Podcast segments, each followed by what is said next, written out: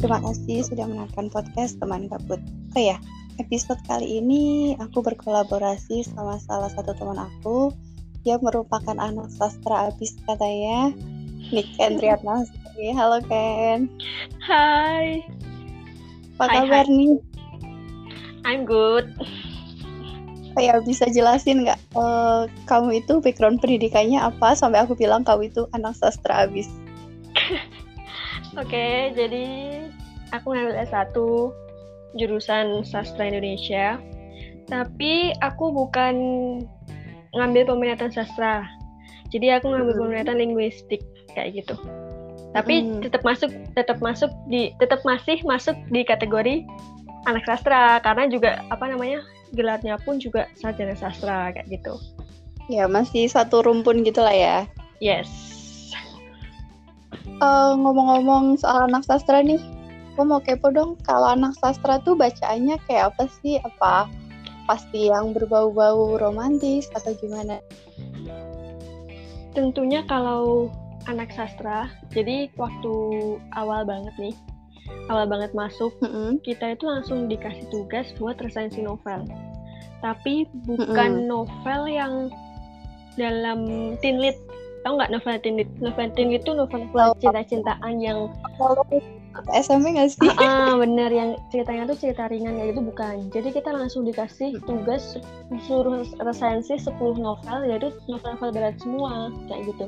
Dan itu pertama kalinya aku suruh baca novel karena sebelumnya tuh waktu SMA tuh aku sama sekali nggak suka sama yang namanya suruh-suruh baca buku-buku bacaan kayak gitu. Jadi aku lebih memilih untuk baca buku pelajaran daripada suruh baca Hmm. buku-buku kayak ya novel dan lain sebagainya itu aku nggak pernah mau. Dan itu aku tuh kaget kaget banget kan suruh selama sebulan suruh resensi 10 novel itu dan aku aku pun nggak tahu nama-nama nama-nama apa namanya nama-nama penulisnya dan judul bukunya tuh sama sekali benar-benar buta gitu loh. Terus ya aku Masih ingat masih ingat. Novel yang apa coba? oke jadi ini udah aku tulis ya jadi udah aku tulis novel pertama kali yang aku baca dan aku resensi saat itu juga selama sebulan itu Mm-mm. pertama yaitu novel Argen Tewil Hidup Memisahkan Diri dari karyanya N. Hadini. Mm-mm. Yang kedua Ronggeng Dukuh Faruk karyanya Ahmad Tohari. Yang ketiga Merantau ke Delhi karyanya Prof. Dr. Hamka. Yang keempat Si Parasit Lajang karya Ayu Utami. Yang kelima Burung-burung Manyar karyanya YB Mangunwijaya. Yang keenam Republik Jungkir Balik Brata. Yang ketujuh Arus Balik karyanya Pramudia Anantatur. Yang kedelapan Kesatria Putri dan Bintang Jatuh karyanya Di atau Dewi Lestari. Yang kesembilan Siti Nurbaya karyanya Marah Rusli dan yang ke-10 yaitu adalah Larung karyanya Ayu Tami. Nah, itu dia novel pertamaku yang ku baca. Jujur aku belum pernah baca buk, eh, 10 buku yang kamu sebutin itu, tapi dari nama-nama penulisnya aku tuh langsung kayak auto eh, sadar kalau itu tuh buku buku novel sastra ya nggak sih masuk kategori novel sastra. Novel sastra, jadi emang ini novel sastra semua. Terus tapi tapi mereka punya genre yang beda-beda. Mm-mm. Apalagi N Hadini ini Oh. kan yang terkenal yang anaknya itu loh, produser Minion. Iya. Nah, itu. Oh, Minion. Apa? Ya pada tahu Minion kan pasti. Pasti tahu lah Minion. Terkenal banget ya warna kuning, berkacamata. Dan halo. Awal-awal. Tapi dari 10 novel itu ada yang paling berkesan nggak sih? Kalau aku paling suka novelnya eh wait Ronggeng Dukuh banget. Ronggeng Dukuh Faruk Ahmad Tohari itu, Itu sih ceritanya tentang apa? Tentang kehidupan kehidupan seorang ronggeng di desa. Hmm. kan itu juga difilmin. Tapi filmnya filmnya bukan judulnya bukan Ronggeng Dukuh Faruk tapi apa gitu. Tapi di, difilmin dari jadi dari kayak ngambil dari novelnya ini Ahmad Tohari kayak gitu. Terus novel yang bikin deg-deg ser itu kenapa deg-deg ser ya? Uh, kalian bisa baca sendiri aja. Jadi ini tuh novel tentang feminis banget feminis abis yaitu mm -hmm. novelnya Ayu Utami. Apa tuh judulnya? Si parasit lajang larung pokoknya seluruh novel karya Ayu, Ayu Utami itu ada novel feminisme. Coba deh. Tuh guys buat kalian uh, uh, uh, uh, yang, yang penasaran feminis, uh, feminis itu seperti apa kalian bisa coba baca bukunya Ayu Utami. Oh ya untuk kamu sendiri buku yang menarik itu kayak apa sih kan uh, kita sebagai manusia kadang ada baca buku yang kita klik, ada yang enggak. Kalau menurut Niken sendiri kayak gimana? Kalau aku, kalau akhir-akhir ini ya, akhir-akhir hmm. ini tuh aku suka banget baca buku yang kayak uh, pengembangan diri gitu. Self improvement. Uh, self -improvement. Uh, yes, suka banget akhir-akhir ini baca buku itu. Tapi kalau novel, kalau kamu apa? Aku sama kayak kamu akhir-akhir ini lagi baca-baca buku self improvement biar gak gila. Dan aku paling berkesan itu sama buku filosofi teras. Nggak tahu benar-benar kayak pertama kali baca tuh langsung kayak wow keren banget nih buku. Mm-mm, bener sih. Itu emang keren banget sih. Jadi yang pengen belajar tentang filsafat tapi kalian bakal cinta sama filsafat kalian bisa baca buku filosofi filosofi teras karyanya Henry Manempiring yang udah ada di buat kalian baca kalian dengerin dulu aja. Ya saat sebelumnya ya guys. Kalau kayak novel-novel sastra lama gitu-gitu kamu ada referensi nggak buat kita semua gitu? Sastra lama sastra hmm. lama mungkin yang lama banget ya Siti Siti Nurbaya sih Siti Nurbaya. Oh, oh dia. Aku kemarin kenapa? Lagi mulai nih baca buku Max Havelaar, tapi aku belum selesai. Kau udah pernah baca buku itu belum? Aduh lupa. ini juga ini sih uh, termasuk novel sastra gitu kayak settingnya zaman Hindia Belanda gitu. Hmm, aku lupa. Lupa coy. Aku tuh gak, aku tuh anak sastra, cuman aku tuh apa namanya jarang banget inget penulis plus bukunya kayak gitu. Oh, gitu. Ini tuh udah aku tulis semua, coy. Jadi aku tinggal tinggal lihat. Saya saking banyaknya buku yang dibaca ya Ken ya. iya. Terus terus nih buku yang ajaib banget. Apa, ajaib apa? sekali kamu kamu baru baca bab satu nih, tapi kamu langsung pengen action aja. Itu buku judulnya Seni Hidup Minimalis. Karyanya Fran oh. Francine Jai Francine apa Francine? Apa? Gimana bacanya ya? Francina Jai kayaknya gitu. Itu buku banyak banget berseliweran sih di sosial sosial media uh, uh, yang warna kuning yang warna kuning. Hmm. kalau buku itu yang paling berkesan buat kamu sendiri apa? Oh, itu buku itu, itu buku ajaib coy. Jadi buku ini kan ngajarin kita bagaimana sih hidup minimalis gitu ya. Jadi pertama tuh kita jadi bukunya ada perbab-babnya. Jadi kalau misalkan mau nata kamar itu gimana, mau nata ini gimana, nata dapur gimana, ruang tamu gimana. Jadi ketika kita baca buku itu belum selesai. Jadi kita tuh pengen langsung action aja, pengen pengen beres-beres terus kayak gitu. Beneran. Coba deh kamu baca deh bukunya, hebat banget. Bikin auto rajin beres-beres bener, rumah bener demi apa pun dan itu kan aku buku ini kan juga aku pinjemin ya ke salah satu temanku terus aku nih hmm. nih kamu nih baca buku ini nih gitu kan terus dia baca dan sama dia juga auto rajin setelah baca buku ini Oke, okay, itu akan masuk ke list bacaan aku. Biar aku jadi rajin. Buku ajaib demi deh, selain filosofi teras.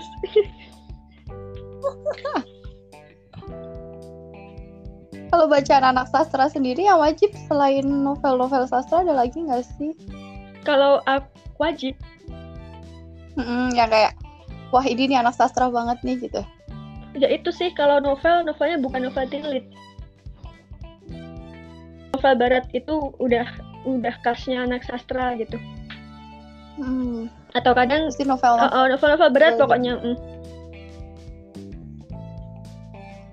uh, kamu ada tips nggak buat semua pendengar kalau misalkan kayak kamu tuh harus baca buku harus selesai tapi sebenarnya kamu tuh kayak nggak klik gitu loh oh. ada nggak sih tips biar bisa menyelesaikan bacaanmu gitu kalau tips dari aku sih pertama kenapa kamu milih buku itu gitu ya misalkan -hmm. kayak yang kemarin banget ini aku pernah baca buku dan itu tuh satu buku cuman berapa ya?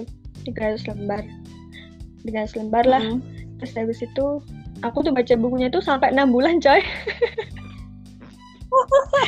Karena karena tuh aku baca buku itu ya.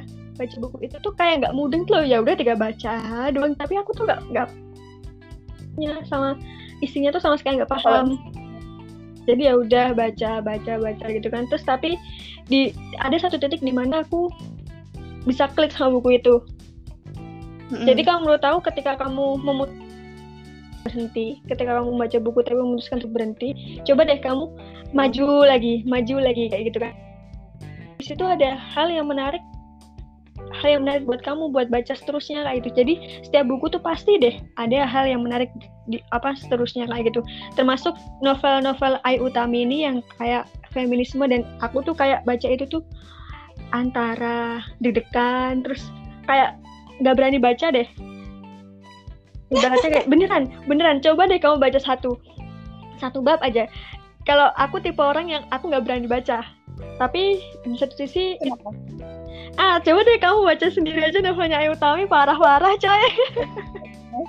Masuk Chris Suar, feminisnya feminismenya parah banget. Frontal banget coy. Oke, okay, bisa masuk list guys. Dan aku tuh bener-bener gak berani baca, jadi kalau baca tuh uh uh kayak gitu. Ah, sensasinya sensasinya sensasinya tuh membuat aku bukan bukan malah apa namanya bukan malah langsung bersemangat kayak baca filosofi trust atau seni hidup minimalis tapi sensasinya pengen udah sih gue nggak mau bacain lagi gitu kan. Tapi juga di situ ada hal-hal yang lain yang selain itu gitu. Jadi dia dia lagi ngomongin yang bikin aku nggak berani baca ya aku skip kayak gitu. Iya sih benar benar benar benar. Karena kadang kalau baca buku tuh emang dari diri kita sendiri itu antara mau menerima atau enggak. Padahal semua buku tuh sebenarnya menarik. Ya menarik, sih? menarik coy. Jadi kita bisa melihat dari sudut pandang orang banyak kayak gitu. Jadi lebih open mind lah. Jadi kalau misalkan orang-orang yang nggak suka baca buku kayak gitu tuh, ya mendingan kalian rubah deh kebiasaan hidup itu, kebiasaan itu kayak gitu sekalipun novel ya novel teen lead pun tuh nggak apa-apa gitu loh kita kan jadi bisa iya, benar. oh uh, novel teen lead gitu. yang viral kan ada juga. Dilan Milea viral itu teen lead. Atau kalau kalian males-males bawa buku bisa lewat Wattpad gitu-gitu gak sih? Wattpad hmm. banyak novel mm -mm, betul. Terus ada rekomendasi buku lagi? nih dari aku. Hmm apa tuh? Kalau kalian bingung apalagi bingung buat speak kayak presentasi atau kalian profesinya atau marketing terus biar bisa menggait itu apa pembeli kayak gitu kalian bisa baca bukunya bicara itu ada seninya. Jadi ini buku karyanya orang Korea Oh Su Yang Oh Su Yang nah ingat banget. Jadi kan waktu pas aku baca buku ini tuh aku jadi lagi kerja di marketing ya. Terus buku ini yeah. tuh kayak ngajarin gimana sih kayak jual ngejual sesuatu dan itu dia ngasih contohnya tuh gini jadi ada orang kulkas tapi dia tuh jual kulkasnya di suku Eskimo. Oh iya iya iya. Terus terus? Dia lah jualnya laku keras tuh. kok bisa? Ya makanya itu ada triknya. Silahkan. Cara itu ada seninya. Kalian yang mungkin pengen belajar public speaking, marketing uh, uh, dan lain-lain semua di situ. ada di situ. Pokoknya tentang tentang ngomong deh pokoknya di situ. Ada tipsnya. Tapi kan keting ya. Jadinya aku yang masih inget banget tuh yaitu tentang penjualan dia jual kulkas tapi di suku Eskimo. Gitu ya paling keinget kayaknya ada kok lainnya kayak presentasi. Pokoknya berbicara uh, interview pun juga ada di situ. Berarti benar-benar memberikan banyak pelajaran buat kita ya. Terutama buat kita kita yang mungkin baru lulus atau nyari kerja gitu nggak sih? Mm-mm, betul, betul sekali. Terus rekomendasi Ken. lagi, satu lagi, rekomendasi Oh, lagi. ada lagi. Kalau kalian kepo sama filsafat, setelah kalian baca bukunya Filosofi Teras, yang gaya bahasanya itu anak Jakarta banget, kalian juga bisa baca Mm. buku Dunia Sopi. Oh ya itu buku udah banyak banget dibahas sama teman-teman aku dari zaman kuliah. Eh, Tapi aku belum itu buku setebal 518 halaman jadi kalian harus sabar banget baca itu. Dan itu buku adalah rumit. Oh rumit gitu. oh rumit rumit coy itu. Jadi kan kalau sekarang kalau sekarang ya kalau film-film tuh zamannya dunia paralel. Mm-mm. nah ini tuh hampir mirip sama jadi dia itu hidup tapi di apa namanya digerakkan sama yang di atas kayak gitu. Dan di atas itu juga manusia. Dan itu Hampir kayak ini nggak? jadi Supernova nggak sih? Ah, aku lupa kalau itu aku lupa. Aku lupa sebenarnya ceritanya. Tapi aku pernah baca eh, di di Lestari toh Dewi Lestari kan? Bener. Hmm, tapi aku lupa deh ceritanya gimana. Pokoknya itu tuh kayak kita lagi main boneka tangan gitu jadi kita settingnya kayak gitu. tapi mereka mereka bingung juga kenapa kok bisa ketemu ini bisa ketemu ini dan itu dikaitkan sama filsafat Oh. kalian baru tahu cerita ceritanya itu kalau misalkan dia itu dikendaliin sama yang di atas, yang di atas orang kayak gitu. Ketika kalian sudah selesai baca bukunya, tapi dari segi bahasanya dia bagus sih walaupun dia novel terjemahan, tapi dia bagus. Mm-mm. buat belajar filsafat pertama Oke. kali bisa rekomendasi juga dunia shopping. Harganya sembilan puluh tujuh ribu. Karena kadang kita baca buku apa terjemahan tuh kayak bahasanya kurang enak gitu nggak sih? Buku terjemahan yang terjemahannya tuh kacau menurutku tuh itu bukunya seni bersikap bodoh amat. Oh ya itu salah satu buku self improvement yang banyak banget dibahas Heeh, sampai iya emang. ini kan versi New York Heeh. Times gitu Yes. Tapi itu menurutku apa namanya terjemahannya kacau deh. Padahal aku baru mau mereview buku itu guys, tapi aku juga masih ragu karena kayak aku aku udah baca buku itu sekali atau hampir dua kali kayaknya, kayak satu setengah kali gitu. Terus tapi tetap kayak ada sesuatu yang aku nggak nggak dapet apa yang mau dia sampaikan ke aku dan aku nggak nangkep gitu loh. Aku kadang merasa ini aku yang nggak cocok sama bahasanya atau aku yang memang nggak bisa terbuka aku juga nggak tahu ternyata ada yang sepemikiran sama aku Bener. Kalau buku dunia Shopee ini aku baca berkali-kali buku yang yang terjemahnya kacau ya. Cuman karena dari apa sih ini manaknya matanya karena kan itu kan berhubungan sama filsafat. Jadi kita harus harus baca ber- berkali-kali gitu kan. Nah, tapi kalau yang di seni bodoh amat kamu mau baca berkali-kali pun what? what do you mean? tapi nggak tahu ya tapi sebenarnya buku itu tuh bagus banget kayak kamu tuh bak- mungkin kalau misalkan kamu klop gitu ya sama isi bukunya itu tuh kamu bakal eh, nemu sesuatu yang berbeda ya nggak sih Heeh, bener. sebelumnya tuh nggak banyak diajarkan kalau mungkin buku-buku lain tuh malah mengajarkan kita buat selalu berpikir positif selalu pokoknya jadi manusia yang positif banget tapi kalau itu tuh kayak beda banget lah pokoknya Mm-mm, bener. Betul. Pokoknya kamu Betul. disuruh bodoh Tapi- amat lah, tapi bodoh amatmu tuh bukan misalkan kamu berbuat jahat terus bodoh amat gitu enggak. Dia nggak ngajarin kayak gitu. Bodoh amat. pokoknya kalian harus Nah, buku, guys itu buku rekomendasi juga sih rekomendasi tuh. dari orang-orang Oh, oh, Mm, betul. improvement kalau kalian mungkin bingung baca eh, terjemahannya ada versi bahasa Inggrisnya juga Sama nggak apa. ya kan siapa tahu dia memang memang lebih lebih nyaman eh, baca buku aslinya. Karena teman aku tuh ada tipe orang yang dia lebih senang baca buku eh, aslinya dalam bahasa Inggris daripada yang udah terjemahan. Karena kata dia lebih enak aja lebih nyambung katanya gitu. Hmm, ya bagus kalau kayak gitu. ya ada lagi nggak Ken? Udah sih, itu aja sih. Oke, terima kasih nih Ken Triatnasari buat masukan dan list-list buku yang menarik banget. Terima kasih sudah menyempatkan waktu ya. Ya, see you. See you. Bye bye. Guys, mau promo juga uh, dia juga anak podcast. Apa kan podcastnya silakan dipromosikan. Subjektif kehidupan. ya, udah ada di Spotify, uh, di Ancor, ada di mana lagi banyak ya? Iya, Radio Republik dan lain sebagainya. ya cari aja subjektif kehidupan ya. Oke okay, betul hmm. terima kasih nih Ken. See you. See you